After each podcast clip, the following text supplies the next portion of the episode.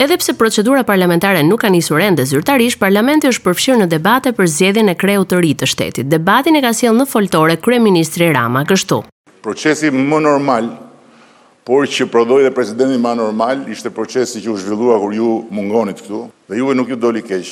Dhe asnjë shumicë qeverisëse në botë nuk i ka bërë opozitës një dhuratë aq bujare sa ne ju bëmë juve duke ju zgjedhur Ilir Metën president. Nëse do ta kishim sot bindjen për një kandidaturë kishim bërë publike dhe as nuk do ju pyesim ju fare. Por nuk e kemi. Duke i kërkuar përfaqësuesve të opozitës përfshirjen në një proces real për gjetjen e një figure konsensuale, Rama i bëri të qartë se kush është vija e kuqe për socialistët, jo vetëm për zgjedhjen e presidentit, por edhe për vijushmërinë e marrëdhënieve me PD-në. Për t'ia bërë të dëshmuar se procesi i nisur për të gjetur zëvendësuesin e Ilir Metës nga ana e shumicës është serioz, ai solli në vëmendje negociatat e bëra për zgjedhjen e disa presidentëve që për të janë qesharake dhe nuk duhen përsëritur. Pas gjithë këtyre, ai ripërsëriti se ndryshimet kushtetuese të dy mijë e tetë-s ishin bashkimi më i drejtë i votave me Sali Berishën që sot të mos ishin në kushtet që pikërisht ai të mos merrte peng parlamentin.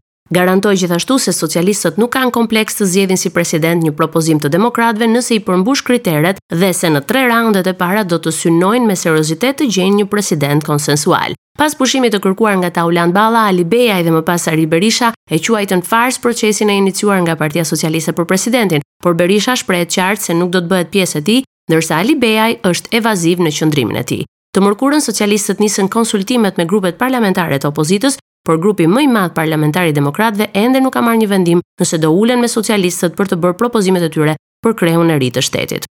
Sali Berisha ia komunikoi mes toneve të larta në mbledhjen e grupit parlamentar, por nuk ia kurseu edhe para mediave Enkelejd Alibeajt, të cilin jo vetëm nuk e njeh si kryetar të grupit parlamentar, por njëherazi e cilësoi edhe të përzgjedhurin e Taulant Ballës në negociatat për presidentin, proces të cilin e konteston me forcë.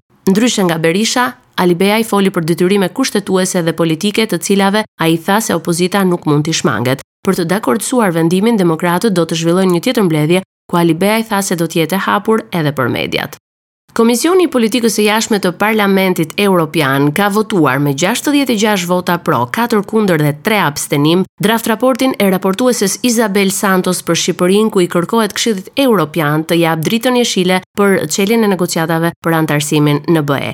Në të i kërkohet shteteve anëtare të demonstrojnë unitetin europian duke nisur zyrtarisht negociatat e anëtarësimit me Shqipërinë dhe Maqedoninë e Veriut, pasi të dyja vendet i kanë përmbushur kushtet e vendosura nga Këshilli Europian. Kryetari i Komisionit të Politikës së Jashtme David McAllister tha se u rrëzuan pjesa më e madhe e amendamenteve duke përfshirë edhe propozimin e hedhur nga eurodeputeti bullgar Andrej Kovaçev për ndarjen e dy vendeve të Maqedonisë së Veriut dhe Shqipërisë në këtë proces. Komisioni i Politikës së Jashtme gjithashtu me raportin e miratuar i bën thirrje BE-së të vlerësojë në mënyrë kritike implikimet historike të sigurisë për stabilitetin në kontinentin europian dhe në Ballkanin Perëndimor në kontekstin e agresionit rus kundër Ukrainës. Eurodeputetët shprehin keqardhje për dështimin e hapjes së negociatave të anëtarësimit për Shqipërinë dhe Maqedoninë e Veriut. Sipas raportit, ky dështim minon pritshmëritë e publikut ndaj BE-së dhe përbën një rrezik serioz për politikën e zgjerimit të BE-së në tërësi. Gjykata e Lartë ka hedhur poshtë kërkesën e ish-kryeprokurorit Adriatik Llalla për të pezulluar dënimin në dy vite burg. Avokati i tij kërkoi nga gjykata pezullim të dënimit me argumentin se ish-kryeprokurori vuan nga një sëmundje e rëndë. Në seancë ndodhej edhe drejtuesi i SPAK, Arben Kraja, i cili mësohet se u shpreh se gjendja shëndetësore e Llallës ishte diçka e njohur prej kohësh dhe nuk kishte shkak për pezullimin e dënimit. Ish-kryeprokurori është dënuar me dy vite burg për akuzën e mosdeklarimit të pasurisë në tre raste. Ai ndodhet në Itali, aty ku u arratis dy javë para se apeli ta dënonte me burg. Shumë programe studimi në universitetet publike rrezikojnë të mbyllen pasi nuk preferohen nga studentët. Universiteti Bujqësor ka pësuar tkurrjen më të madhe, por shqetësim janë dhe degët e mësuesisë, sidomos dega fizikë, kimi dhe matematikë, si dhe gjuhët e huaja rusisht dhe greqisht. Sipas rektorit Hoxha, vitin e ardhshëm akademik për disa degë me prioritet kombëtar do të ketë iniciativa për studentët që do t'i përzgjedhin. Në mbledhjen e Konferencës së Rektorëve u caktua edhe grupi i punës, që do të jetë pjesë e grupit ndërinstitucional që do merret me projektligjin për shkencën. Ndërkohë, që pengesë për kërkimin shkencor është mungesa e fondeve. Gjatë kësaj mbledhjeje u diskutuan edhe kriteret për doktoraturën, të cilat do startojnë pas gati dhjetë vitesh bllokim. Qeveria ka përcaktuar nivelin tavan të konsumit që do të shërbejë për klasifikimin e familjeve që do të paguajnë më shtrenjtë energjinë elektrike.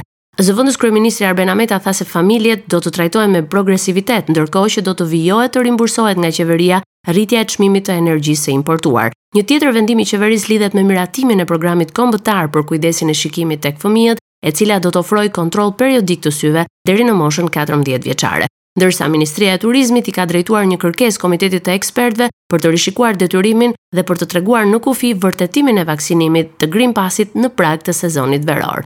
Pas mbledhjes së qeverisë u bë gjithashtu e ditur se procesi i rindërtimit është drejt mbylljes, ndërkohë që për miratimin e legalizimit të hashashit për përdorime farmaceutike vijojnë konsultat me vende të tjera të zhvilluara. Raportoi nga Tirana për Radio SBS Gerta Heta.